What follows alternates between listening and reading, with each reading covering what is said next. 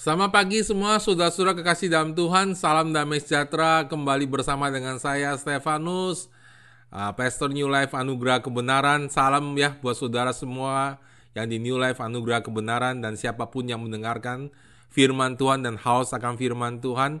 Salam damai sejahtera. Amin saudara ya. Sebelum kita mulai mendengarkan firman Tuhan saudara ya yang kita masih membahas tentang komunitas. Mari kita praktekkan kesatuan komunitas. Mau nggak saudara kasih komentar dan say hello satu sama lain ya. Selama kurang lebih uh, setengah menit saudara ya di ruang chat saudara. Silakan saudara ya menit sampai satu menit mari kita say hello satu sama lain ya. Salam satu sama lain walaupun kita jauh uh, tidak bisa berjumpa satu sama lain bukan berarti kita tidak bisa menunjukkan, menunjukkan kasih kita. Silakan saudara ya silakan. Oke saudara, mari kita baca firman Tuhan yang sering kali kita kenal ya, ayat yang sangat terkenal ini, saudara ya. Di dalam uh, Matius 22 ayat 37, jawab Yesus kepadanya, Kasihilah Tuhan Alamu dengan segenap hatimu dan dengan segenap jiwamu dan dengan segenap akal budimu. Itulah hukum yang terutama dan yang pertama. Dan hukum yang kedua yang sama dengan itu ialah kasihilah sesamamu manusia seperti dirimu sendiri. Saudara, saya suka sekali firman Tuhan ini, saudara ya. Uh, karena bertahun-tahun saya membaca firman Tuhan ini, saudara ya. Dan akhir hari ini, saudara ya, Tuhan membukakan mata saya dan kasih saya lihat sesuatu yang sangat-sangat baru, saudara ya. Ayat ini berbicara begini, saudara. Jawab Yesus kepadanya, kasihilah Tuhan Alamu dengan segenap hatimu dan dengan segenap jiwamu dan dengan segenap akal budimu Itulah hukum yang terutama dan yang pertama. Dan hukum yang kedua yang sama dengan itu ialah kasihilah sesamamu manusia seperti dirimu sendiri. Pada kedua hukum inilah tergantung seluruh hukum Taurat dan kitab para nabi. Atau kalau saudara mau pakai bahasa sehari-hari, sebenarnya semua tujuan hukum Taurat dan kitab para nabi adalah tentang hal ini. Berbicara mengenai hal ini saudara ya jadi kalau ada ayat apa pun saudara ya di dalam hukum Taurat dan kita, para nabi pada intinya adalah kasihilah Tuhan Alamu dengan senap hatimu, pikiranmu dan kekuatanmu dan yang kedua yang sama seperti itu. Nah, ini penting banget saudara ya. Jadi saudara perhatikan yang Yesus katakan saudara bahwa saudara hukum pertama saudara harus mengasihi Tuhan Alamu dengan segenap hati, pikiran dan kekuatanmu. Dan hukum yang kedua yang sama seperti itu. Saudara harus tahu saudara, sebenarnya saudara ini bukan menunjukkan bahwa hukum mana yang lebih penting, tetapi menunjukkan atau mengajarkan kepada kita prioritas melakukan firman Tuhan. Saya kasih contoh, saudara ya. Kalau kita membaptis orang, kita selalu berbicara dalam nama Bapa, Putra dan Roh Kudus di dalam nama Tuhan Yesus Kristus. Nah, saudara, Bapa, Putra, dan Roh Kudus adalah susunan prioritas, saudara ya. Karya penyelamatan dimulai, saudara ya, dari Allah Bapa, kemudian kepada Putra, dan kemudian saudara Roh Kudus sekarang tinggal di dalam hati kita. Tidak berarti, saudara, bahwa uh, kesetaraan Allah itu berbeda, saudara. Kesetaraannya sama tetapi fungsinya selalu dimulai dari Bapa, Putra, dan Roh Kudus. Nah, demikian juga saudara dengan firman Tuhan yang baru kita baca tadi, saudara. Kasihlah Tuhan Alamu dengan segenap hati, pikiran, dan kekuatanmu. Wow, saudara ya. Selama ini, sebagai orang Kristen, saudara, saya tidak ada masalah dengan mas ayat yang pertama ini, saudara ya. Semuanya rata-rata orang Kristen itu tidak ada masalah dengan yang pertama ini, saudara. Ya, bisa terima. Wah, semua orang bilang, Tuhan saya mau mengasihi engkau, Tuhan saya minta ampun kalau saya berbuat dosa, saya bertobat, saya kembali kepada engkau. Tuhan, engkau yang paling mengerti saya, engkau yang satu-satunya yang menerima saya tanpa syarat, saudara ya. Dan itu tidak ada yang salah dengan itu, saudara. Tetapi saudara, setelah kita merasakan kasihnya Tuhan, saudara, kita perlu mengaplikasikan kasih itu kepada sesama manusia. kepada manusia dalam hal ini saudara ketika kita bicara mengenai komunitas kita lagi berbicara dalam konteks saudara-saudara seiman yang paling dekat sama kita. Jadi saudara dalam firman Tuhan ada dua hal yang sangat-sangat penting. Saya mau pakai bahasa yang sederhana. Pertama adalah hubungan kita dengan Allah. Dan kalau hubungan kita dengan Allah itu bertumbuh, kita harus membawa hubungan itu kepada hubungan kita dengan saudara-saudara kita seiman, saudara. Ya. Nah, saudara, kalau kita dengar khotbah, dengar firman Tuhan, saudara, dari orang yang kita kita kenal dan yurapi Tuhan itu mudah. Kenapa, saudara? Karena kita tidak melihat kelemahan dia, kita tidak setiap hari di sekitar dia. Dan karena itu, saudara tidak kelihatan kelemahan dia dan juga saudara mudah buat kita memberi kepada orang yang kita tidak tahu kelemahannya, yang tidak tahu kekurangannya. Makanya saudara saya bangga sekali ya saudara kalau saya sharing firman Tuhan istri saya merasa diberkati, anak-anak saya merasa diberkati. Karena itu yang paling susah, saudara. Orang paling dekat sama kita itu paling susah kita berkati. Kenapa paling susah, saudara? Karena orang yang paling dekat kita itu tahu kelemahan kita. Halo? Ada amin, saudara? Ada peribahasa rumput tetangga selalu kelihatan lebih hijau. Saya sambung peribahasanya. Kalau saudara sampai ke sana, saudara boleh lihat rumput yang dulu kita tinggalkan juga hijau. Kenapa saudara? Kalau dari jauh hijau, nggak kelihatan kuningnya saudara. Nggak kelihatan jeleknya, tapi begitu saudara dekat kelihatan jeleknya. Jadi saudara, kasih yang real itu adalah ketika kita bisa kasih suami kita, istri kita, anak kita, kakak kita, adik kita, kita bisa mengampuni mereka, bisa mengasihi mereka. Itu kasih yang asli dan kita bisa mengasihi orang-orang dalam komunitas sel kita terlepas dari semua kelemahan mereka justru ketika mereka lemah semakin menunjukkan apakah kita mengasihi mereka atau tidak. Saya selalu bilang sama orang yang sedang membangun hubungan, saudara. Ketika membangun hubungan, mudah ngomong I love you Beneran. Sudah semua menikah itu pasti bilang amin seribu kali, saudara. Kenapa saudara? Waktu bangun hubungan saudara kalau ribut malam pulang tidur sendiri, masing-masing tidur rumah sendiri. Saudara punya waktu saudara sendiri dan besok ketemu hehehe saya ampunin. Atau saudara secara nggak sadar saudara bikin sesuatu yang palsu ya. Ketemu dia seneng terus ya dalam hati walaupun udah kesel saudara ya. Coba kalau udah menikah. Begitu saudara menikah saudara nggak bisa Nggak bisa main sandiwara lagi, saudara. Makanya saudara ketika orang sudah menikah dan mereka mengasihi, saya kasih acungan jempol saudara. Bagaimana kita tahu saudara ya seseorang itu baik, saudara seseorang itu bagus. Ya Alkitab mengajarkan kita, kita tahu dari keluarga mereka, dari anak-anak mereka itu yang pertama dan terutama. Kenapa saudara?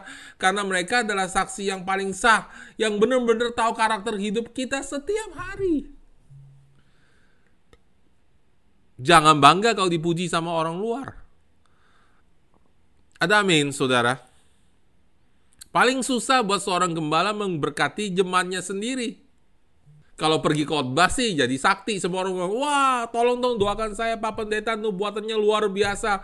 Wah Pak Pendeta khotbahnya luar biasa waktu Pak Pendeta. Waktu sampaikan firman kita dilawat Tuhan. Yes, kalau di luar saudara. Kalau di rumah sendiri, Ya memang dilawat firman dilawat oleh kuasa Tuhan memang saudara diberkati tetapi ketika kita di rumah sendiri saudara karakter kita terbuka semua.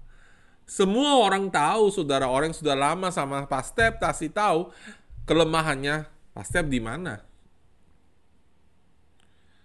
Semua yang lama sama saya tahu bahwa saya itu manusia biasa seperti saudara. Amin, saudara. Nah, saudara, selama ini, saudara, kita ini, saudara, menekankan pentingnya baca Alkitab berdoa. Yes, saya sangat setuju.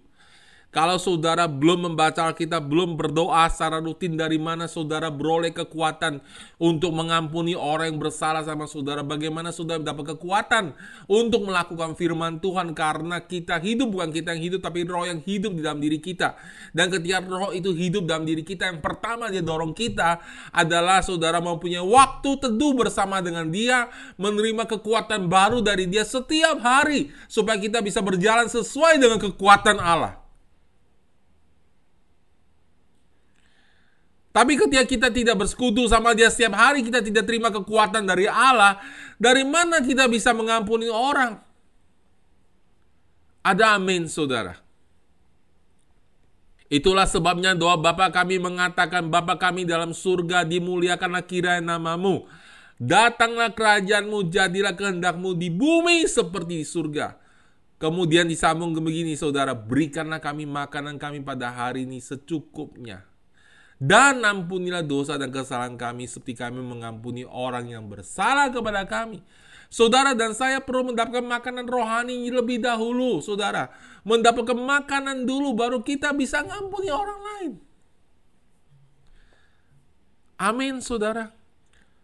Bagian ini, saudara, yang saya sharing ini sebenarnya cukup umum orang sharing itu. Tapi bagian kedua, saudara, yang banyak dilupakan oleh jemaat dan gereja Tuhan adalah kasihlah sesamamu manusia seperti dirimu sendiri. Yesus mengatakan demikian di dalam Yohanes 13 ayat 34, Aku memberikan perintah baru kepada kamu, yaitu supaya kamu saling mengasihi sama seperti aku telah mengasihi kamu, demikian pula kamu harus saling mengasihi. Dengan demikian semua orang akan tahu bahwa kamu adalah murid-muridku. Yaitu jikalau kamu saling mengasihi. Bagian kedua saudara yang saya mau tekankan kembali ulang hari ini saudara. Kita tidak tahu dan tidak sadar saudara bahwa penting-penting, penting sekali. Pertama hubungan kita dengan Allah. Tapi setelah itu penting, penting, penting, penting sekali ketika kita menerima pengampunan dari Allah, kita menerima anugerah dari Allah, kita menerima kasih karunia dari Allah. Kasih karunia Allah itu orang bilang gini, Tuhan saya mau mengasihi engkau. Yesus bilang kalau engkau mengasihi aku, engkau akan taat pada perintahku. Apa perintahnya saudara? Kasihilah satu sama lain di antara murid-murid Yesus supaya dunia tahu bahwa kita adalah murid Yesus. Perintah yang berikutnya adalah saudara kita harus saling mengasihi seperti Yesus telah mengasihi kita. Hukum yang kedua sama dengan itu. Dan saudara kita tidak sadar setelah kita berdoa sama Tuhan kita nggak praktek kasih. Halo saudara, katakan praktek kasih. Ada amin, saudara. Praktek kasih. Kasih itu tidak perlu mengasihi sampai ke ujung bumi. Saudara tidak perlu kasih sumbangan setiap gereja. Dengar, saudara. Kalau engkau mengasihi keluargamu yang paling dekat. Kalau engkau bisa mengasihi komunitas selmu. Engkau sudah praktek kasih.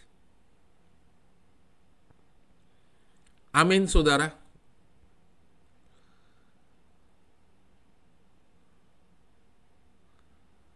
Ketika komunitas Selmu mengatakan, Wah, Mbak, kau benar-benar mengasihi kami, kami bisa merasakan. Kalau saudara nggak datang ke komunitas sel, mereka merasa kehilangan. Wah, kehilangan. Kalau saudara di keluarga, saudara nggak pulang, mereka cari engkau. Nggak begini, sebodoh lah dia mau ke mana. Saudara, itu buahnya berarti kita sudah berhasil praktek kasih. Gimana Pak praktek kasih? Gampang banget saudara, jangan rumit. Oke? Okay? Jangan rumit, jangan susah. Saya mau kasih tahu sudah praktek kasih yang paling pasti. Pastep, dia ulang tahun, saya sudah kasih dia kue. Pastep, waktu Natal saya ucapin selamat Natal. Pastep, waktu Sinca saya kasih ampau mungkin saudara ya. Wah, saya perhatikan dia. Belum, saudara. Belum tentu, saudara. Sudah praktek kasih. Saudara tahu kapan saudara praktek kasih ketika orang itu menyakiti kita. Ketika orang itu kecewa sama kita, kita. Ketika orang itu melukai kita,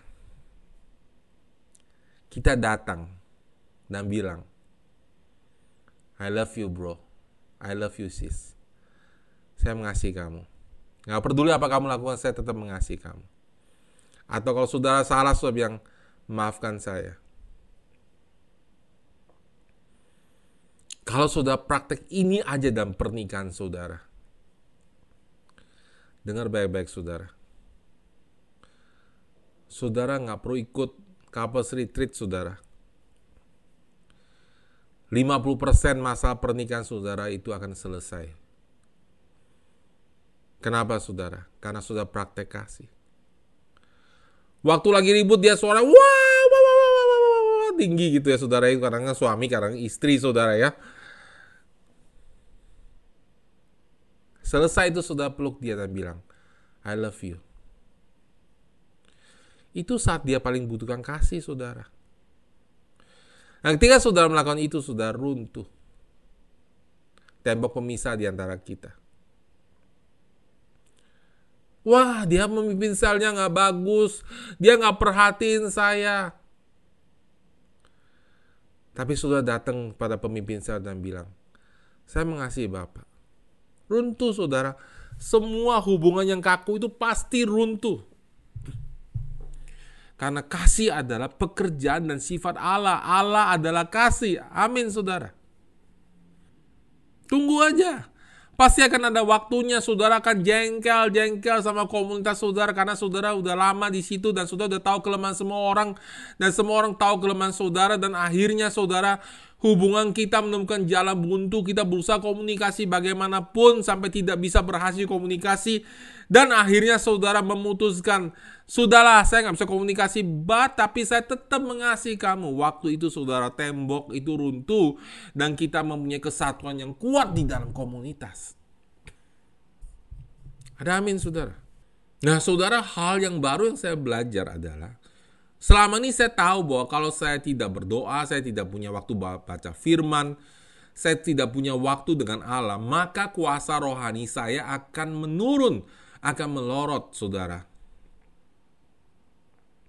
Tapi yang saya belum pernah mendengar orang mengajarkan kepada saya adalah ketika hubungan saya dengan saudara seiman saya tidak harmonis. Kuasa rohani dalam hidup saya itu turun.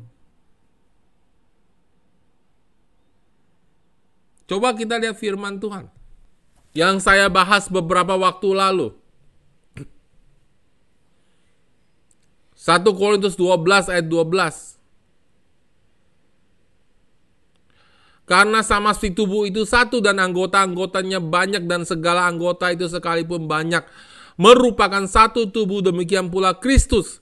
Sebab dalam roh kita semua Baik orang Yahudi maupun orang Yunani, baik budak maupun orang merdeka, baik saudara suku Batak, baik saudara suku Jawa, baik saudara suku Nias, baik saudara suku Manado, baik saudara suku keturunan, baik saudara suku campuran.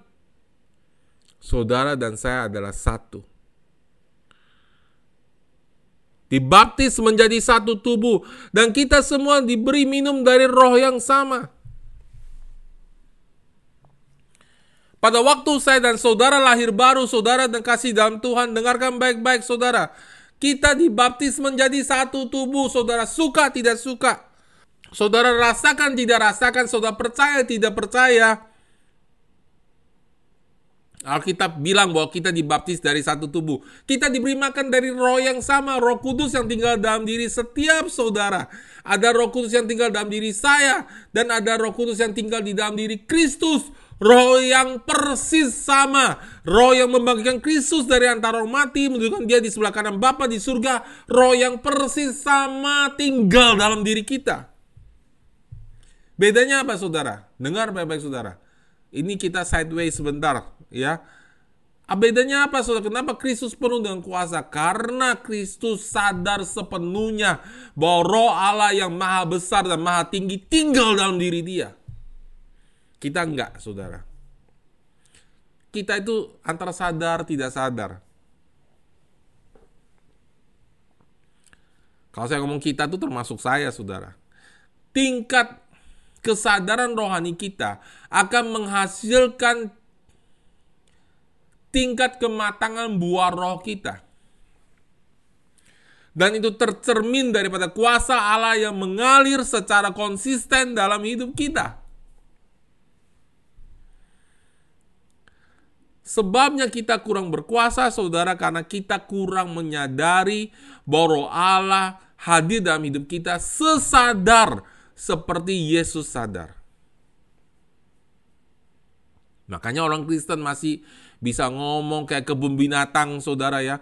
Orang Kristen masih bilang, aduh saya malu, saya belum bisa ya.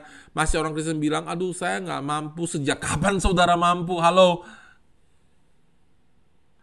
Saya nggak mampu bersaksi sama teman saya karena hidup saya belum sempurna. Sejak kapan saudara butuh saudara sempurna untuk bersaksi sama teman saudara? Bukankah firman Tuhan sudah mengatakan bukan dengan kuat kuasa, bukan dengan gagamu, tapi oleh karena roh Allah yang tinggal dalam diri kita. Semakin saudara berusaha dengan perbuatan baik saudara, semakin roh Allah itu akan padam diri dalam diri kita. Tapi semakin kita memijinkan kebenaran Allah melaungi kita. Saya sudah ajarkan ini saudara ya, sudah perlu dengar ulang dan sudah perlu dengar ulang khotbah yang saya ajarkan dengan pertobatan dari perbuatan sia-sia saudara. Kartu dasar sudah saya mendorong saudara yang benar-benar punya hati murid dengar ulang baik-baik saudara. Karena itu sangat memberkati bahkan buat hidup saya sendiri saudara.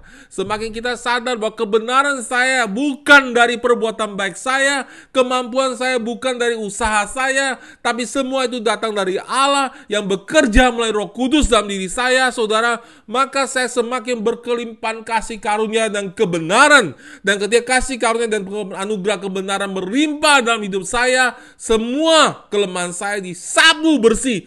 Oleh karena saya izinkan roh Allah bekerja dengan dahsyat dan bebasnya dalam hidup kita. Dalam hidup saya. Amin saudara. Itu yang Yesus lakukan. Yesus memang tidak pernah berbuat dosa. Tapi dengar baik-baik saudara. Sekalipun dia tidak pernah berbuat dosa. Dia tidak bergantung pada perbuatan baiknya dia bergantung pada kasih karunia Allah. Supaya setiap kita bisa bergantung kepada kasih karunia Allah. Mengikuti contoh yang dia lakukan. Itu sebabnya Yesus bilang, Aku tidak bisa berbuat apa-apa jika aku tidak melihat Bapakku melakukannya. Artinya saudara, Yesus bergantung kepada roh Allah. Sama seperti saudara dan saya. Beda cuma satu. Karena dia Tuhan, dia tidak pernah bikin salah, dia tidak pernah bikin dosa. Amin, saudara.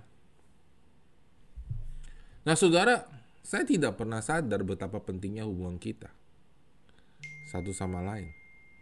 Karena saya tidak diajar, saudara. Alkitab mengatakan begini, saudara. Ayat ke-14, karena tubuh juga tidak terdiri dari satu anggota, tapi atas banyak anggota. Andai kata kaki berkata, karena aku bukan tangan, aku tidak termasuk tubuh. Jadi benarkah tidak termasuk tubuh? Dan ada kata telinga berkata, karena aku bukan mata, aku tidak termasuk tubuh. Jadi benarkah ya tidak termasuk tubuh? Andai kata tubuh seluruhnya adalah mata, di manakah pendengaran? Andai kata seluruhnya ada telinga, di manakah penciuman? Tetapi Allah telah memberikan kepada anggota masing-masing secara khusus suatu tempat pada tubuh seperti yang dikendakinya. Ada satu cerita, saudara. Kita mengambil bagian tubuh yang paling tidak dihormatin, saudara, kita harus berikan penghormatan khusus. Suatu hari saudara bagian tubuh yang disebut anus diketawain saudara, diketawain sama tangan, diketawain sama uh, mata, sama telinga, sama lidah, sama mulut, semua yang merasa bahwa mereka jauh lebih penting daripada anus. Karena anus itu saudara bagian buang kotoran dan mereka tertawa. Ih kamu mah jorok. Nggak ada orang kan saudara kalau jalan saudara kan orang yang didandani apa saudara. Kalau saudara jalan keluar saudara ibu-ibu yang terkasih dalam Tuhan. Yang saudara taruh lipstick, yang saudara taruh uh, cemong bedak saudara. Dempulan bodak, bedak saudara ya.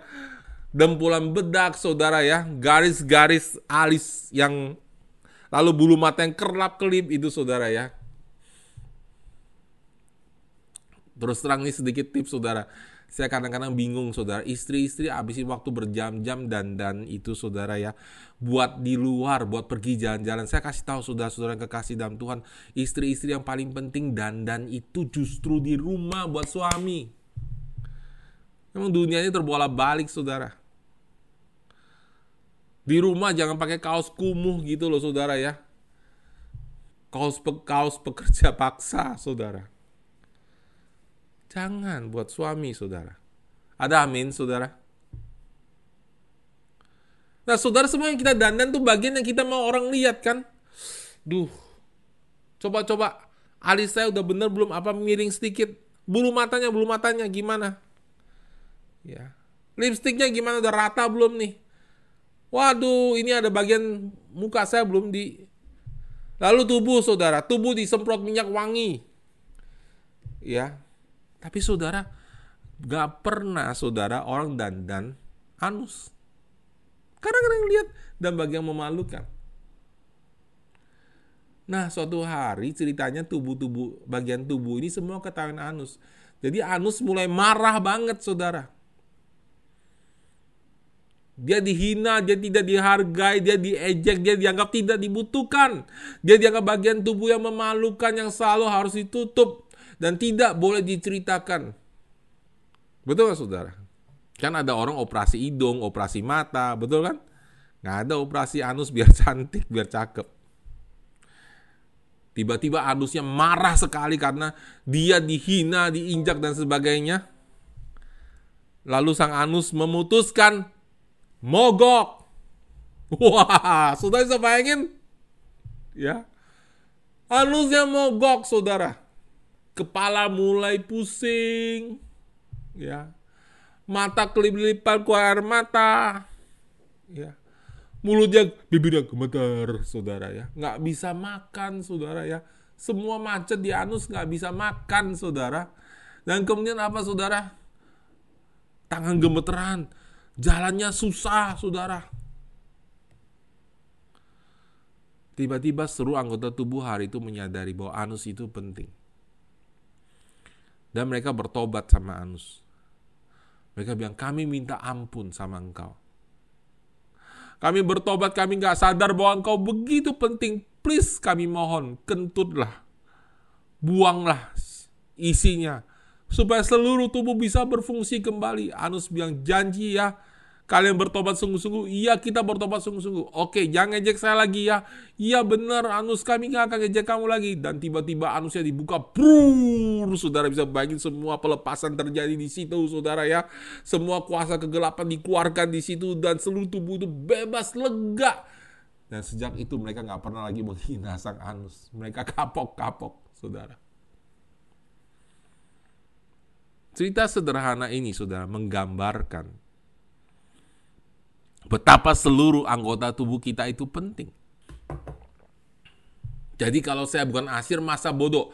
Uh, asirnya hari ini angkat bangkunya sampai mereka mau jatuh, sampai keberatan, saudara sampai capek masa bodoh. Saya kan bukan bagian asir, saya singer. Benarkah saudara tidak masuk bagian asir? Alkitab bertanya seperti itu. Ah dia mah payah karakternya udah nggak bisa dirubah masa bodoh lah dia mau gimana. Benarkah dia tidak berpengaruh sama saudara? Well, dulu saya pikir nggak begitu berpengaruh saudara dulu saudara. Tapi kenapa revival nggak terlalu nggak terjadi terjadi dalam gereja? Karena dia berpengaruh saudara. Amin. Saya harap firman ini memberkati saudara bahwa saudara harus tahu betapa pentingnya tubuh Kristus itu harus hadir sebagai sebuah kesatuan. Dan Yesus mengatakan ketika kita mengasihi saja dunia sudah tahu bahwa kita dari Kristus. Dan mengasihi saya tadi sudah kasih tahu saudara nggak perlu jauh-jauh, nggak perlu jauh-jauh. Nggak perlu kirim kue ke pastep yang jauh. Walaupun tidak dilarang. Kasihlah suamimu, istrimu. Waktu ulang tahun dirayain. Waktu sudah kesel peluk dia. Itulah kasih. Simple, sederhana, tapi benar. Itu kasih yang asli. Nggak bisa bohong, saudara. Maka kalau saudara seorang laki-laki dan wanita itu bilang I love you waktu belum menikah, aku cuma bilang gini, hmm, aku mau lihat setelah menikah. Karena waktu itu saya baru percaya, saudara. Nah, saudara, hukum kedua ini penting banget. Dan kita nggak sadar, saudara.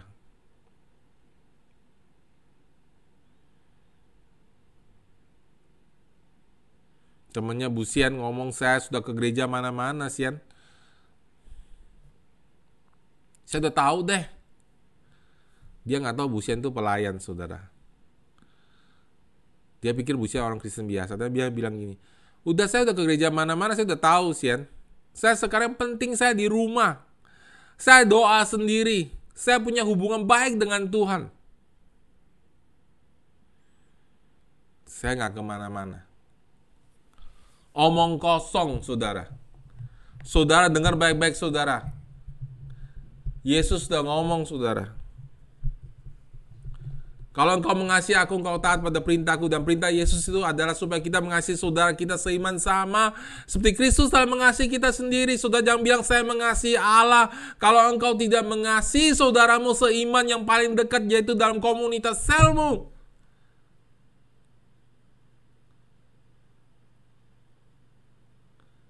Kalau saya dan istri tidak ada, saudara. Anak-anak saya, saudara, kalau benar-benar mereka sayang kami, mereka mengasihi satu sama lain. Setuju nggak? Karena semua anak kami ada di dalam hati kami. Semua anak kami kami sayang, saudara. Begitu juga dalam Kristus. Semua anak Tuhan, Tuhan sayang. Dan Tuhan mau kita mengasihi satu sama lain. Mewakili kasih dia di muka bumi ini. Hubungan kita, saudara, jauh lebih penting daripada yang kita sangka. Saya percaya itu, saudara. Saya percaya bahkan saya sampai sekarang belum mengerti sesungguhnya seperti apa hubungan kita satu sama lain. Jauh lebih penting, saudara, daripada yang saya bisa rasakan sekarang. Saya berdoa, saudara, supaya kita bisa merasakannya. Setelah kita mulai dengar khotbah ini, saudara, kita mulai membangun roh kesatuan yang sebenarnya. Dan kita mulai sadar Betapa pentingnya saudara saya buat saya. Ada amin, saudara. Kalau kita sadar ini, saya percaya kuasa Tuhan akan turun dengan dahsyat tengah-tengah kita. Ingat saudara, yang saya maksud dengan saudara harus mengasihi saudara seiman dimulai dari keluarga dan komunitas sel. Jangan jauh-jauh saudara, karena yang paling susah adalah orang yang paling dekat. Tapi itu yang paling sah. Apa itu komunitas, saudara? Menurut WHO, saudara, Badan Kesehatan Dunia, menurut saya ini definisi terbaik. Komunitas adalah kelompok sosial yang ditentukan oleh batas-batas wilayah, nilai-nilai keyakinan dan minat yang sama serta adanya saling mengenal dan interaksi antara anggota masyarakat yang satu dengan yang lain. Menurut saya, saudara, definisi menurut Alkitab, saudara, adalah dari 1 Petrus 2 ayat 9 sampai 10. Itu adalah saduran yang paling tepat. Orang-orang yang dipanggil keluar dari kegelapan kepada terang Yesus Kristus terpilih dan beroleh belas kasihannya untuk hidup menjadi iman, raja, dan sebuah bangsa yang kudus. Umat kesayangan Allah dengan tujuan untuk memberitakan perbuatannya dan memuliakan namanya. Menurut saya itu komunitas menurut Alkitab. Yesus sendiri membangun komunitas. Kalau Yesus membangun komunitas supaya kerajaannya mengalami ekspansi, apalagi kita. Dengar baik-baik saudara. Ada cerita saudara semua tahu. Lima roti dan dua ikan. Di dalam firman Tuhan saudara di dalam Markus 6 ayat 37. Tetapi jawabnya kamu harus memberi mereka makan. Kata mereka kepadanya, jadi haruskah kami memberi roti seharga 200 dinar untuk memberi mereka makan? Tetapi ia berkata kepada mereka, Berapa roti yang ada padamu, cobalah periksa.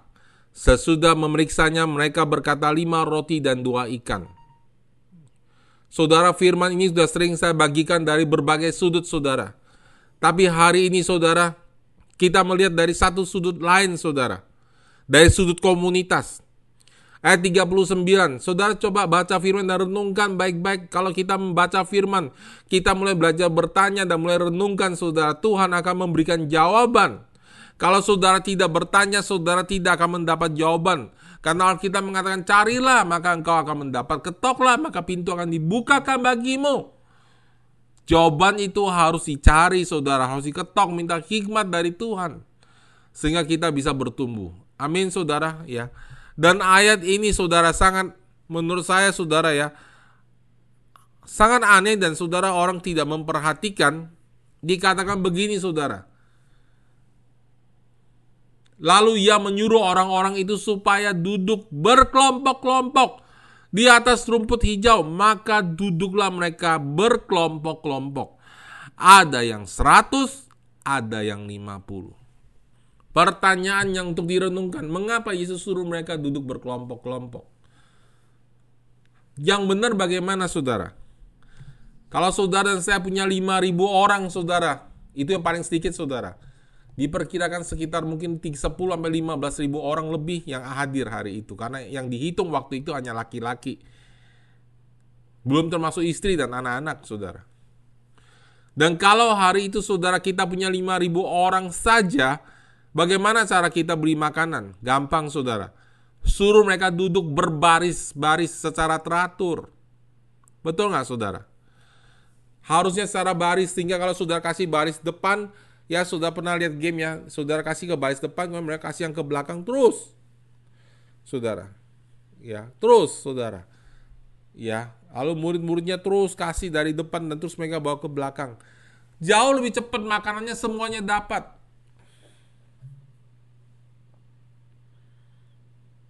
Pembagiannya lebih rata, lebih cepat, lebih segera. Betul saudara?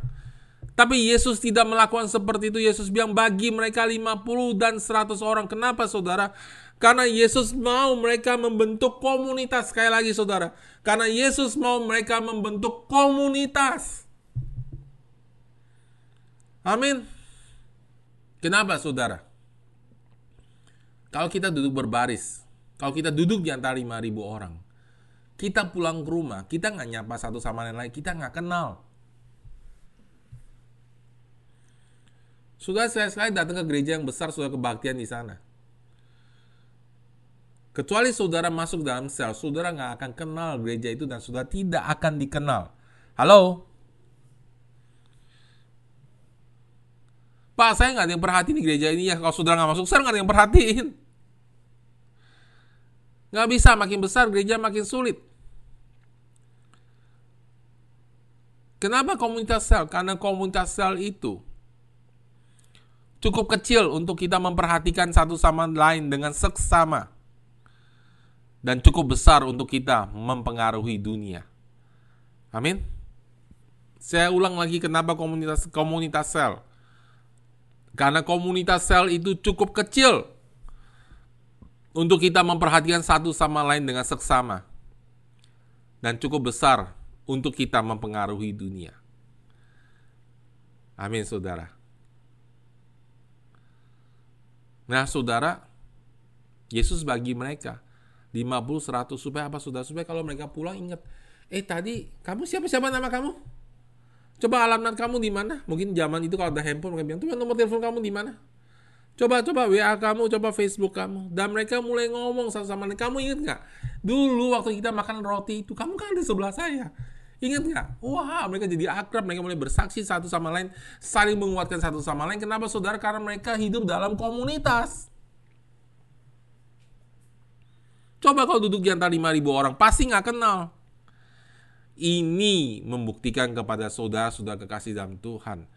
Bahwa saudara yang belum masuk dalam komunitas, saudara salah besar. Kita ini domba, gembalaan Tuhan. Semua domba butuh kawanan domba gembalaan. Ada amin saudara? Domba itu dikumpulkan berdasarkan kelompok saudara. Domba itu tidak pernah bingung siapa gembalanya karena setiap kelompok domba mengenal suara gembalanya dan bau badan gembalanya. Itu sebabnya Yesus bilang domba-dombaku mengenal suaraku. Karena terbukti saudara bahwa domba-domba itu mengenal suara gembalanya. Yesus mengatakan dalam Yohanes 10 ayat 25, Yesus menjawab mereka, Aku mengatakannya kepadamu, tetapi kamu tidak percaya pekerjaan-pekerjaan yang kulakukan dalam nama Bapakku. Itulah yang memberikan kesaksian tentang aku. Tetapi kamu tidak percaya karena kamu tidak termasuk domba-dombaku. Domba-dombaku mendengar suaraku dan aku mengenal mereka. Dan mereka mengikuti aku. Saudara kasih dalam Tuhan, hanya dalam iman Kristen saudara, komunitas orang percaya itu disebut domba. Jadi saudara kalau domba itu, setiap domba itu mengenal suara gembalanya dan dia tidak akan ikuti gembala kawanan domba lain, saudara. Nah, saudara, hanya dalam komunitas Kristen yang mengenal kebenaran firman Tuhan ini. Beda dengan kepercayaan-kepercayaan lain, mereka bisa beribadah di mana saja selama itu ada rumah ibadah. Tetapi di dalam kita, saudara, sebagai kita yang percaya dan kita mengerti bahwa kita adalah anggota tubuh Kristus, kita adalah keluarga Allah, kita adalah batu-batu hidup, saudara. Selalu saudara batu yang hidup, saudara anggota tubuh maupun keluarga, itu punya komitmen dan tempatnya tidak bisa pindah-pindah. Halo. Nah, Iblis mau menipu gereja dengan memasukkan konsep bahwa kita pindah-pindah ke mana itu sama saja. Berbeda saudara. Kenapa? Satu, karena kita pindah-pindah saya sudah bagikan bahwa kita tidak bisa membangun trust. Ketika kita tidak bisa membangun kepercayaan atau trust satu sama lain, kita tidak bisa berfungsi.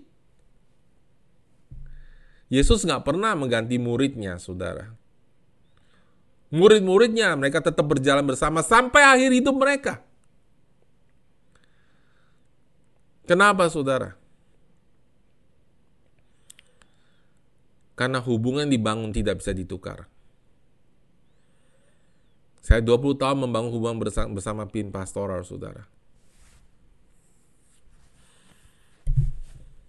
Nggak bisa ditukar.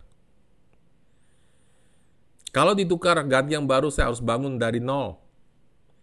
Saya nggak punya waktu 20 tahun lagi untuk membangun dari nol. Saya harus melanjutkan pekerjaan yang telah Tuhan selesaikan melalui saya sekarang.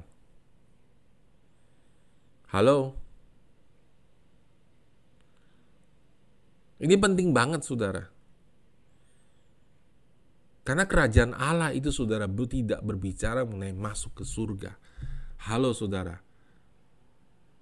Dengar baik-baik, saudara. Begitu saudara dan saya diselamatkan, saudara saudara dan saya ketika pulang ke rumah akan pulang ke rumah di surga. Tapi tujuan hidup kita tidak pernah masuk ke surga. Sudah baca firman Tuhan. Tujuan hidup kita adalah memuliakan Allah di bumi seperti di surga. Andai kata tujuan hidup kita untuk masuk ke surga, saudara, detik kita terima Yesus, kita diambil oleh Allah. Karena susah buat kita di dunia ini, kita masih dibentuk, kita kemungkinan bisa jatuh dalam dosa, banyak resiko di sini. Tapi detik kita mengenal Allah, Allah tidak mengambil hidup kita. Kenapa saudara? Karena di sini dan hanya di sini kita bisa memuliakan Allah dan kita bisa hidup dengan iman dan iman akan merubah manusia rohani kita menjadi dewasa dari hari ke hari. Amin saudara. Nah, saudara, saudara, mari kita lihat sebuah video ini menarik banget, saudara ya. Saudara bisa lihat bagaimana domba itu mengenal suaranya, mengenal suara gembalanya. Seperti apa sih? Mari kita lihat.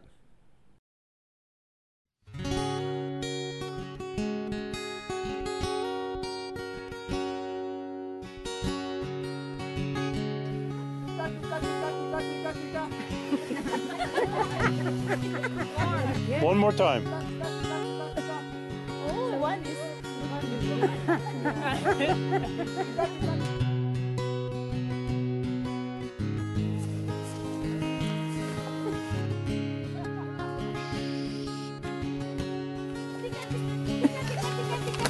Louder! Tica, tica, tica, tica! Tica, tica, tica, tica! Tica, tica! Tika. Tika, tika, tika, tika.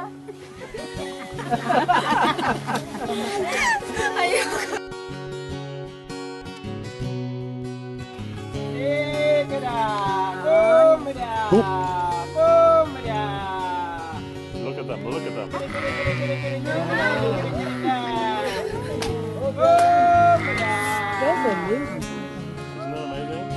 They are coming. Oh my God. Woo! Oh my God.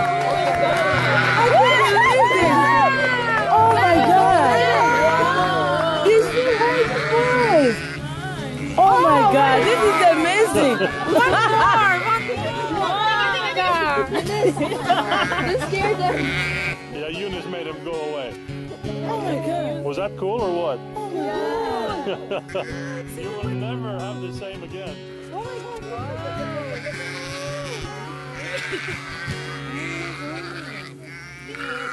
I can't believe the way they were coming. Sudah diberkati oleh video tadi? Amin. Nah, saudara, itulah kita kawanan domba. Amin. Orang pindah-pindah gereja, merusak gereja tempat dia berada dan gereja yang dia datangin. Bikin susah. Apalagi pindah karena kepahitan. Udah cerita klasik. Saya tiap kali dengar orang cerita seperti itu. Sudah perlu bertahan dan nanti saya akan ajarkan sampai kapan kita bertahan. Pak, saya saya udah nggak tahan, Pak. Saya nggak tahan. Bapak nggak tahu. Oke, sampai kapan kita bisa bertahan? Lain kali saya ajarin, saudara. Moga-moga kalau saya ingat. Amin. Doakan aja. saudara, kalau seseorang meninggalkan tubuh Kristus, kayak mata, saudara, mata copot dari tubuh kita seluruh tubuh menderita. Amin. Itu sebabnya kita nggak mau orang meninggalkan komunitas dengan sebab dan alasan yang salah. Apalagi kecewa, kepahitan itu 100% salah.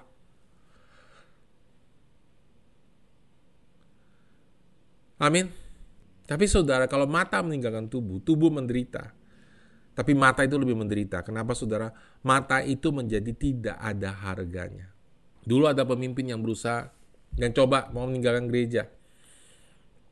Saya ngomong sama beliau, saya bilang, coba kamu pikirkan baik-baik. Kamu sudah Tuhan pakai untuk memimpin sel dan bahkan merintis lebih dari satu sel. Kalau kamu tinggalkan tempat ini, kamu masuk ke sebuah gereja yang cukup besar waktu itu, kamu akan mulai dari nol. Dan apakah kamu punya waktu untuk membangun lagi? Amin. Sudah mengerti? Sekarang saya harap memberkati saudara. Dan itu penting-penting banget saudara ketika kita berjalan dalam kuasa, otoritas, dan urapan komunitas sebagai tubuh ah, Kristus, sebagai gereja Tuhan, maka saudara kita akan mengalami terobosan rohani dan kebangunan rohani yang luar biasa. Amin. Kita ingat saudara waktu berapa waktu lalu kita berkata mengapa kita bangun komunitas karena satu trust issue, kedua kita bisa defend mempertahankan satu sama lain, ketiga kita bisa move, kita akan bisa menggerakkan satu sama lain, kita bisa bergerak saudara. Ya keempat kita punya gereja lokal akan terpengaruh akan bergerak sebagai sebuah tentara Allah dan terakhir saudara kita bisa melakukan peperangan wilayah. Ya peperangan di atmosfer. Dan kita ingat kita mengenal bahwa komunitas adalah desain Allah dari permulaan. Dari permulaan Tuhan Allah memakai keluarga dan komunitas. Dia sendiri adalah komunitas Tritunggal. Kita akan maju bersama saudara seperti gambar tentara ini. Saudara mari kita baca Mazmur 133. Ayat pertama sampai ayat ketiga. Oh alangkah indahnya dan alangkah eloknya. Saudara ingat lagu itu? Bila saudara seiman, hidup dalam kesatuan. Ingat lagu itu saudara? Kita nyanyi dari minggu ke minggu, saudara. Kita nggak tahu, saudara, artinya. Hari ini Tuhan membukakan artinya kepada kita. Amin, saudara. Amin. Sungguh alangkah indahnya, alangkah baiknya dan indahnya. Apabila saudara-saudara diam bersama dengan rukun, menyatu, saudara. Seperti minyak yang baik di kepala meleleh ke janggut. Yang meleleh ke janggut Harun. Harun itu siapa, saudara? Harun itu imam besar. Jadi siapa itu Harun? Harun di sini melambangkan Yesus Kristus. Saudara tahu urapan Yesus itu luar biasa? Amin, saudara. Saudara tahu urapan Tuhan Yesus itu luar biasa sekali, saudara. Dan saya dan saudara ingin mengalami urapan seperti gereja mula-mula, bahkan Alkitab berjanji bahwa lebih daripada itu.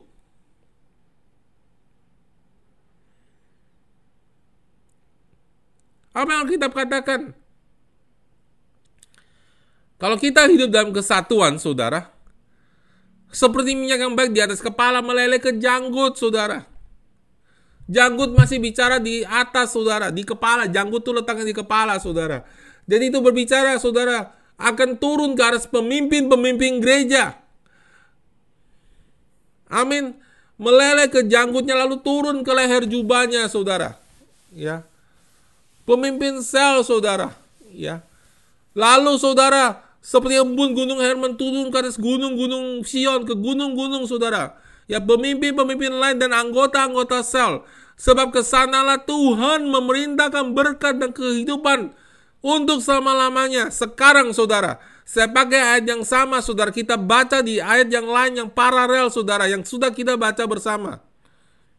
Efesus 4 ayat 11. Dan ialah yang memberikan baik rasul-rasul maupun nabi-nabi baik pemberita-pemberita Injil maupun gembala-gembala dan pengajar-pengajar untuk memperlengkapi pekerjaan orang-orang kudus bagi pekerjaan layak pelayanan bagi pembangunan tubuh Kristus sampai kita semua kita semua telah mencapai kesatuan iman dan pengetahuan yang benar tentang anak Allah kedewasaan penuh dan tingkat pertumbuhan yang sesuai dengan kepenuhan Kristus sehingga kita bukan lagi anak-anak yang diombang-ambingkan oleh rupa-rupa pengajaran yang aneh-aneh saudara tentang kedatangan Yesus lah tentang aduh banyak banget sudah pengajaran aneh. Tentang kedatangan Yesus Yesus bahkan ada pengajaran aneh mana Yesus sudah datang saudara ya. Oleh permainan palsu manusia dan kelicikan mereka menyesatkan orang-orang khotbah untuk kepentingan mereka sendiri saudara ya mereka pakai ayat itu ya saudara ya, kelicikan manusia. Tetapi kita dengan teguh berpegang kepada kebenaran. Di dalam kasih kita bertumbuh dalam segala hal ke arah dia Kristus yang ada kepala. Daripadanya lah. Kepalanya Harun saudara. Seluruh tubuh yang rapi. Saudara pertama rapi. Katakan rapi. Kedua tersusun. Katakan tersusun. Dan yang tiga diikat. Amin. Tujuan kita, saudara, menjadi gereja yang dilawat Tuhan. Kita harus rapi, tersusun, dan diikat. Menjadi satu. Oleh apa, saudara? Oleh apa, saudara? Mari kita baca firman Tuhan dengan sungguh-sungguh dan menerima firman Tuhan sebagaimana yang firman Tuhan katakan. Kita diikat menjadi satu oleh pelayanan semua bagiannya sesuai dengan kadar pekerjaan tiap-tiap anggota, menerima pertumbuhannya dan membangun dirinya dalam kasih. Sebab itu kukatakan kutegaskan ini kepada kamu dalam Tuhan. Jangan hidup lagi seperti orang-orang yang tidak mengenal Allah. Dengan pikiran yang sia-sia, pengertian yang gelap, jauh dari persekutuan dengan Allah karena kebodohan dalam diri mereka, karena kedegilan dalam hati mereka. Dengar saudara-saudara, jangan berpikiran seperti orang yang tidak mengenal Allah, melihat gereja sebagai rumah ibadah seperti orang yang tidak mengenal Allah. Gereja itu adalah tubuh Kristus. Gereja itu adalah keluarga Allah. Gereja itu adalah bangunan Allah di mana roh Allah hadir setiap minggu. Itu gereja. Bukan bangunan fisiknya, saudara. Alkitab mengatakan apa saudara? Apa yang bisa membuat kita bersatu? Apa yang kita bisa membuat kita bersatu? Wah, pemimpin selnya sih payah. Dia nggak bisa bikin saya bersatu. Dia nggak pernah, nggak ngerti cara menggembalakan. Gembalanya payah. Nggak kayak gembala di seberang. Karena saudara nggak tahu hidup gembala di seberang. Dia mah jago, hebat. Saudara itu tindakan dan perkataan orang tidak dewasa. Saya mah nggak dua muka kayak dia. Ngomongnya ini, perlakuannya ini. Hei, dengar baik-baik saudara kekasih. Orang ngomong gitu tidak bijak, saudara. Menimbulkan perpecahan. Yakin saudara tidak dua muka? Yakin saudara nggak pernah ngomongin orang di belakang? Atau di depan ketemu pas stepnya sopan lalu di belakang kesel? Banyak. Banyak. Jadi jangan menghakimi orang lain supaya sudah jangan dihakimi. Alkitab mengatakan seperti itu. Lebih baik kita mengajar dan membangun mereka supaya mereka berlaku seperti yang mereka katakan, bukan dihakimi. Ada amin, saudara. Dia sombong. Sombong itu apa sih, saudara? Saudara dan saya hanya bisa menganggap orang sombong kalau kita yakin kita rendah hati. Sudah yakin saudara rendah hati? Coba ngomong depan Tuhan, Tuhan saya rendah hati. Orang nggak dewasa, saudara. Rohani. Dari mana tahu orang itu sombong? Saya kasih tahu saudara, apa itu orang sombong? Orang sombong adalah orang yang tidak bisa diajar, tidak bisa ditegur sekalipun oleh komunitas. Itu sombong. Tapi selama kita bisa diajar dan bisa ditegur, Tuhan bisa bekerja dalam hidup kita dan merubah hidup kita. Ada amin, saudara? Halo? Kita semua ada kesombongan. Menurut ukuran dunia. Minder itu sombong, saudara. Minder itu sombong kebalik. Jadi saudara, jadi saudara dalam Tuhan Yesus Kristus yang kekasih, saudara. Kita perlu merubah cara berpikir kita. Alkitab mengatakan bahwa jangan berpikir seperti dunia, termasuk saudara cara membangun rumah Tuhan. Jangan berpikir seperti orang dunia yang bertanggung jawab cuma gembalanya. Yang salah pasti gembalanya di hari penghakiman gembalanya. Gembalanya taruh situ semua. Dengar saudara, kalau saya gagal memimpin saudara, kita semua gagal. Ada amin. Kita semua berpengaruh satu sama lain. Dan Alkitab mengatakan bahwa kesatuan dibangun jika setiap orang setiap orang mengambil perannya. Pak, apa yang saya harus lakukan? Ambil peran saudara.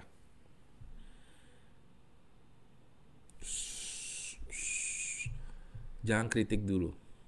Ambil peran dulu. Pemimpin sel saya payah, jadi pemimpin sel dulu, baru you tahu. Baru saudara tahu. Ada orang lucu sekali, saudara. Datang ke gereja kita, dia kecam, saudara. Datang ke gereja kita di Taipei, dia kecam gembalanya. Kamu, gembala kamu payah. Penginjilannya salah, bla bla bla. Ini orang datang bukan sebagai domba, ini memang serigala, saudara. Saya tanya sama gembala di Taipei. Dia pernah nginjilin nggak? Satu orang aja. Dan gembala nanya sama dia. Nggak pernah loh, saudara. Satu orang pun nggak pernah. Amin. Jangan menghakimi supaya engkau tidak dihakimin. Tapi tegurlah saudaramu seiman. Itu yang benar. Menghakimi itu ngomongnya di belakang, saudara. Ngomong terus. Tapi nggak pernah dibantu keluar. Dibantu dong. Datang pemimpin saya bilang aja, Pak, Bapak tuh punya masalah. Datang bermohon. Dan saudara musliman punya masalah datang bermohon, ngomong, belajar. Pas aku nggak biasa ngomong gitu. Makanya dalam komunitas supaya kita bisa belajar ngomong. Dibantu saudara. Amin. Apa yang terjadi ketika kita berjalan dalam kuasa komunitas? Efek dari urapan Mazmur 133. Pertobatan yang mendalam, takut akan Tuhan itu turun, saudara. Takut akan Tuhan itu kuat. Saya bicara sama saudara waktu saya baru mulai gereja, saudara ya. Waktu saya muda, saya ceritakan saudara waktu lalu bahwa ketika saya dalam gereja kami, saudara, begitu kuat hadirat Tuhan sehingga orang yang bertobat itu nggak ada yang mikir besok saya nggak mau ke gereja lagi. Nggak ada, saudara. Kenapa? Karena semuanya sehati sepikir berjalan bersama melayani Tuhan. Sama-sama satu tujuan, satu hati, satu pikiran. Uh, tuh kalau orang datang ke jemaat sudah bertobatnya dalam sekali. Karena dia ngalami langsung ngalami realita hadirat Tuhan yang dalam. Ada amin saudara. Kedua penghakiman yang kuat. Uh kalau ada orang berbohong sudah dalam gereja, orang-orang yang belum bertobat, Ananias dan Safira itu saudara bukan orang Kristen. Karena dibilang ada orang bernama Ananias dan Safira, bukan ada seorang murid. Jadi mereka bukan orang percaya. Mereka pura-pura gabung gereja, pura-pura kasih uang persembahan dan mereka mati loh saudara. Pak kok sekarang nggak mati-mati sih pak? Lah sekarang kita nggak kayak mereka hidupnya. Kita sendiri anak-anak Tuhan nggak benar hidupnya. Nggak kasih perpuluhan. Aneh-aneh saudara sekarang.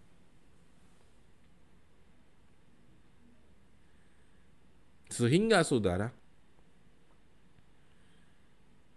ya, perpuluhan nanti dulu pak, nanti uang saya nggak ada bayar utang loh. Justru perpuluhan itu kuasa Tuhan untuk saudara bisa bayar utang. Uh, saya nyicil saudara. Ya udah berkatnya juga nyicil. Simple banget saudara. Ini kenapa kita nggak punya kuasa seperti mereka? Karena kita nggak ngerti saudara. Tidak seperti gereja mula-mula. Sehingga saudara, ketika gereja mula-mula ada Ananias dan Safira mereka mati, kita enggak. Karena kenapa saudara? Nanti kita semua kena. Bukan cuma mereka. Kita juga belum benar. Belum melakukan firman Tuhan sungguh-sungguh yang telah Tuhan taruh dalam hati kita. Tapi itu akan kita lakukan, saudara. Kalau kita membangun kuasa komunitas, nah itu yang saya sedang lakukan. Dan kita rubah kebudayaan kita, cara kita berpikir, saudara. To revival tahun ini. Begitu kita ketemu lagi, kebaktiannya luar biasa. Orang akan berjubel datang bertobat. Kalau saudara support yang saya ajarkan, yuk kita jalan bersama. Bukan masalah pas step bagus nggak bagus gembalanya, bukan saudara. Ini bicara kita berjalan bersama sebagai tubuh Kristus. Kita taat kepada ketuhanan Yesus Kristus. Kalau saya ajarin bukan dari Alkitab, jangan nurut saudara. Tapi saya bukakan ayat sama saudara, saya jelaskan sama saudara. Betapa Yesus sendiri pun membangun komunitas. Apa yang terjadi saudara kita berjalan komunitas? Mujizat-mujizatnya luar biasa Alkitab mengatakan boleh Petrus, saudara. Oleh Paulus, Allah mengatakan mujizat luar biasa. Petrus bayangannya menyembuhkan orang. Yesus tidak pernah. Kemudian peperangan rohani level kota. Melawan roh-roh wilayah. Nah, saudara lihat gambar ini. Sudah lihat. Yang paling bawah atmosfer. Jadi di, sur, di, di dalam firman Tuhan itu ada tiga surga. Surga yang paling bawah adalah tempat kita hidup sekarang. Surga tingkat kedua adalah atmosfer di atas kita. Surga tempat ketiga di mana takhta Allah berada, saudara iblis sudah diturunkan di situ karena Yesus telah naik ke surga tempat ketiga dan dari sana kita memerintah bersama dengan Allah. Saya pernah ajarkan ini dalam kisah Ayub, saudara. Bagaimana saudara di Ayub itu saudara iblis menghadap Allah karena saudara Ayub masih hidup dalam perjanjian lama dan iblis bisa masuk ke dalam hadirat Tuhan di tempat Tuhan berada untuk menuduh kita siang dan malam. Tapi sekarang saudara iblis sudah dicampakkan dari surga ketiga. Ketika Yesus naik ke surga, saya pernah bagian di kitab Ibrani, Yesus menyucikan surga, memercikan segala sesuatu di surga dengan darahnya. Saudara kalau tidak tahu, sudah perlu dengar khotbah saya yang lalu, saudara. Karena kita membangun lapis demi lapis. Dan ketika saudara iblis dicampakkan dari situ, sekarang iblis tidak bisa lagi menuduh saudara dan saya di hadapan Allah. Dia tinggal di atmosfer kedua. Di situ saudara dia mendakwa kita. Jadi yang menuduh kita bukan Allah tapi iblis. Dan melalui saudara-saudara seiman yang tidak dewasa rohani tidak mengerti bahwa penuduhan bukanlah pekerjaan Allah. Ini adalah wilayah atmosfer. Apa itu penguasa atmosfer? Penguasa yang menguasai kebudayaan sebuah kota, kebudayaan yang menentang pengenalan akan Allah. Bahkan, saudara, itu bisa terjadi di dalam gereja orang Kristen. Ada daerah tertentu, saudara, di kota Manado, saudara, mereka tidak bisa terima gereja yang baru. Mereka ada gereja-gereja tradisi yang hanya hidup seperti itu aja, saudara. Apa itu, saudara? Roh penguasa wilayah telah menguasai mereka. Saudara jangan ngusir setan dari orang tuh saudara nggak bisa ngusir saudara bilang wah ini roh atmosfer jarang-jarang banget roh atmosfer itu dalam diri orang roh atmosfer berbicara selalu mengenai budaya daerah tersebut cara berpikir daerah tersebut yang hidup dalam dosa kepercayaan daerah, daerah tersebut nilai hidup daerah tersebut roh atmosfer hampir tidak pernah tinggal dalam diri oknum satu orang manusia ada amin saudara kenapa gereja begitu banyak tidak bisa merubah atmosfer sebuah kota karena gereja belum menjadi gereja kota. Untuk itu semua saudara, saya sharing ini supaya kita bisa membangun gereja kita. Memberkati kota di mana kita berada. Ada amin saudara. Ada amin saudara. Kita lihat saudara dalam firman Tuhan. Wahyu 12 ayat 7. Kitab Wahyu ini susah banget saudara ya dimengerti. Hanya bagian-bagian tertentu yang saya ngerti. Itu pun saya tidak menyambungkan satu sama lain. Tapi hari ini mari kita buka Wahyu 12 ayat 7. Maka timbullah peperangan di surga Michael dan malaikat-malaikatnya. Berperang melawan naga itu. Naga itu adalah Lucifer saudara. Dan naga itu dibantu oleh malaikat-malaikatnya yang berupa roh-roh jahat saudara tetapi mereka tidak dapat bertahan. Mereka tidak mendapat tempat lagi di surga. Dan naga besar itu, si ular tua yang disebut iblis atau satan, yang menyesatkan seluruh dunia dilemparkan ke bawah. Ia dilemparkan ke bumi bersama-sama dengan malaikat-malaikatnya. Dan aku mendengar suara yang nyaring di surga berkata, Sekarang telah tiba keselamatan dan kuasa dan pemerintahan Allah kita. Dan kekuasaan dia yang diurapinya, karena telah dilemparkannya ke bawah pendakwa saudara-saudara kita.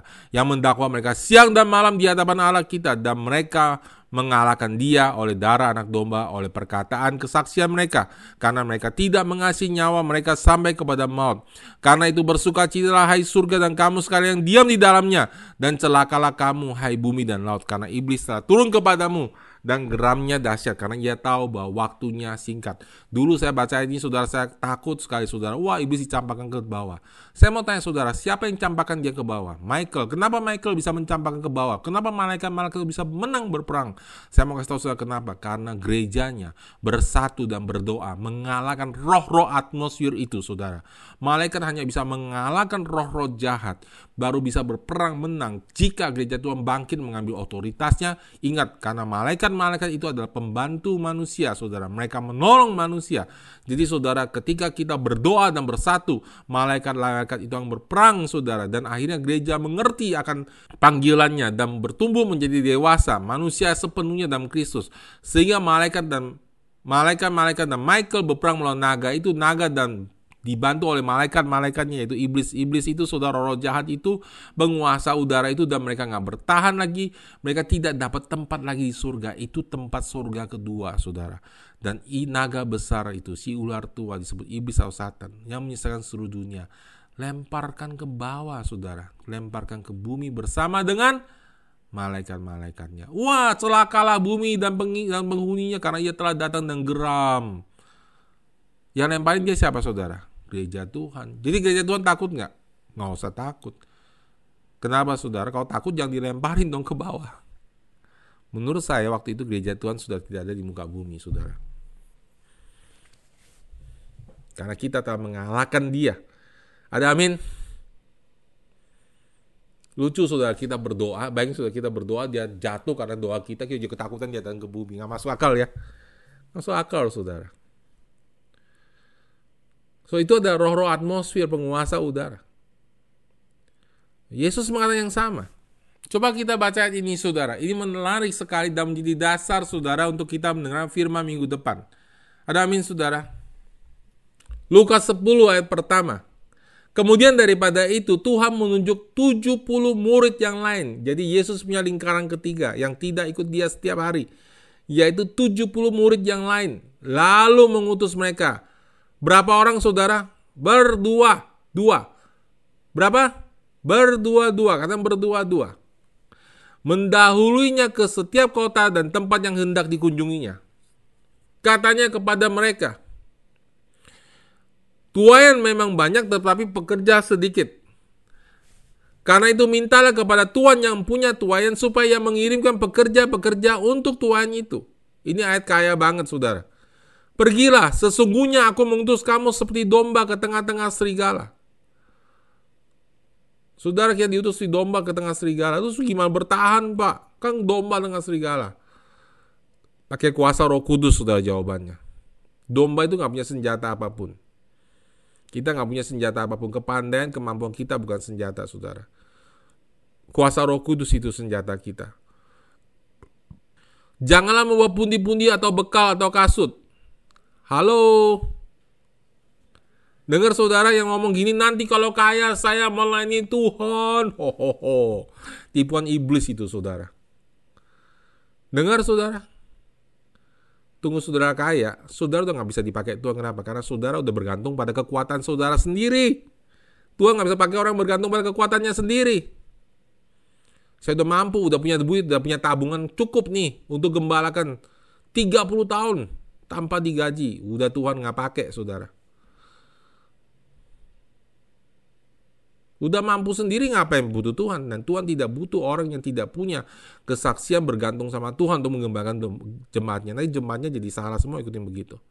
Apa yang kita katakan? Jangan membawa pundi-pundi atau bekal atau kasut. Halo. Jangan takut kalau uangmu belum pakai, belum cukup.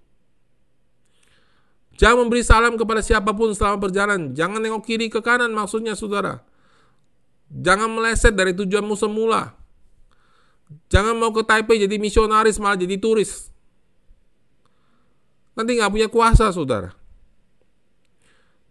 Ketika kalau kamu masuk ke satu rumah, katakan lebih dahulu damai sejahtera bagi rumah ini dan jika di situ ada orang yang berhak layak menerima damai sejahtera, maka salammu itu akan tinggal di atasnya. Tetapi jika tidak, salammu itu akan kembali kepadamu. Tinggallah dalam rumah itu makan dan minumlah apa yang diberikan orang kepadamu. Sebab seorang pekerja patut mendapat upahnya. Jangan lah berpindah-pindah rumah. Sudah tentang ini banyak yang kita belajar sudah, tapi hari ini kita nggak tekankan di sini, saudara. Saudara sudah sering saya sharing tentang kebenaran firman Tuhan ini. Dan jika kamu masuk ke dalam sebuah kota dan kamu diterima di situ, makanlah apa yang dihidangkan kepadamu. Dan sembuhkanlah orang-orang sakit yang ada di situ dan katakanlah kepada mereka, kerajaan Allah sudah dekat kepadamu. Tetapi jikalau kamu masuk ke dalam sebuah kota dan kota itu kamu dan kamu tidak terima di situ, pergilah ke jalan-jalan raya di kota itu dan serukanlah. Juga debu kotamu yang melekat pada kaki kami, kami kebaskan di depanmu. Tetapi ketahuilah, kerajaan Allah sudah dekat. Aku berkata kepadamu pada hari itu, Sodom akan lebih ringan tanggungannya daripada kota itu. Saya mau baca terus saudara, karena ayat-ayat ini kelak akan terus kita pakai saudara. Celakalah engkau Korasim, celakalah engkau Bethsaida, karena jika di Tirus dan di Sidon terjadi mujizat-mujizat yang telah terjadi tengah-tengah kamu, sudah lama mereka bertobat. Akan tetapi pada waktu penghakiman, tanggungan Tirus dan Sidon akan lebih ringan daripada tanggunganmu. Dan engkau Kapernaum, apakah engkau akan dinaikkan sampai ke langit? Tidak, engkau akan diturunkan sampai ke dunia orang mati. Tentang ini saudara saya juga pernah sharing, saudara. Bahwa penghakiman Bukan sekarang. Sekarang waktunya zaman kasih karunia. Nanti dunia yang sudah menerima Injil tidak bertobat dihakimin, saudara. Pada saat terakhir. Ya. Ayat ke-16. Prinsip otoritas mulai ada di sini, saudara. Barang siapa mendengarkan kamu, ia mendengarkan aku. Dan barang siapa menolak kamu, ia menolak aku. Dan barang siapa menolak aku, ia menolak dia yang mengutus aku. Kemudian, ini yang saya mau bahas, saudara hari ini. Kita tutup di ayat ini. Kemudian ke-70 murid itu kembali dengan gembira dan berkata, Tuhan, juga setan-setan takluk kepada kami demi namamu. Nah, saudara, yang murid-muridnya maksudkan setan-setan juga takluk kepada kami, itu adalah setan-setan yang merasuki orang-orang secara pribadi personal. Ya. Murid-muridnya kembali dengan sangat gembira dan bilang, Tuhan ternyata kami bisa layani pelepasan. Iya asik loh, setan-setan pergi sama kami. Uh, kami sangat berkuasa banget, luar biasa banget kuasa kami Tuhan. Keren, keren, jago nih Tuhan. Mereka senang banget. Ya. Tapi Tuhan jawabnya beda, sudah. Apa yang Tuhan jawab? Lalu kata Yesus kepada mereka, Aku melihat iblis. Nah ini beda saudara. Iblis di sini maksudnya beda sama setan yang tadi. Aku melihat iblis jatuh seperti kilat dari langit.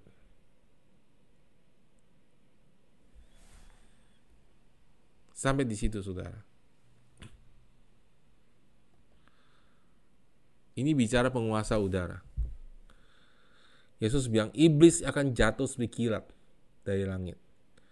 Yesus mengatakan itu yang akan terjadi di masa depan. Berapa orang Yesus utus? Dua. Matius 18 ayat ke-18. Aku berkata kepadamu sesungguhnya apa yang kamu ikat di dunia ini akan terikat di surga dan apa yang kamu lepaskan di dunia ini akan terlepas di surga dan lagi aku berkata kepadamu jika dua orang daripadamu di dunia ini sepakat meminta apa pun juga permintaan mereka itu akan dikabulkan oleh Bapakku yang di surga. Sebab di mana dua atau tiga orang berkumpul dalam namaku, di situ aku ada di tengah-tengah mereka. Ini saudara berbicara mengenai kuasa otoritas, komunitas. Ya.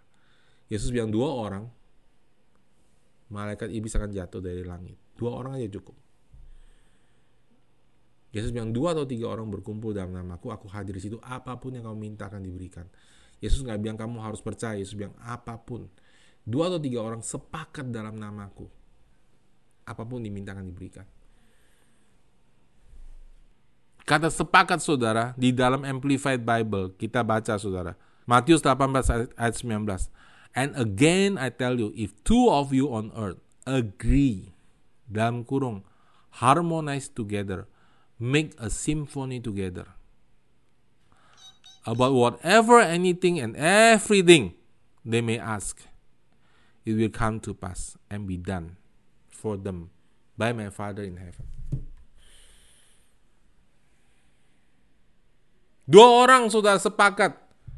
Alkitab terjemahan Amplified Bible mengatakan dua orang harmonis seperti simfoni. Apa itu sepakat, saudara? Sepakat bukan keseragaman. Sepakat bukan seragam. Sepakat itu bisa beda pendapat. Halo. Tapi harmonis. Saya tahu kapan saya akan masuk ke dalam. Saya tahu kelemahan pasangan saya dan saya tidak menyerang kelemahan dia dan saya biarkan ketika dia punya kelemahan saya isi ke dalam. Itu hanya bisa terjadi kalau kedua orang ini membangun hubungan dalam jangka yang waktu yang lama atau kedua orang Kristen ini menjadi sangat dewasa. Dua atau tiga orang. Dulu saya pikir suami istri, ternyata bukan. Tuhan bilang bukan suami istri. Ini berbicara mengenai kuasa komunitas. Dua tiga orang sepakat. Saya ingat saudara waktu saya merintis jemaat New Life Anugerah Kebenaran. Waktu itu kita masih bernama Gereja Anak Panah, saudara, GAP. Sekitar tahun 2000. Saya datang ke situ, saudara, bersama dengan istri saya. Orang yang nolong saya waktu itu Pak Karyanto, saudara. Kita berdua jalannya sangat harmonis. Nggak ada rasa curiga satu sama lain.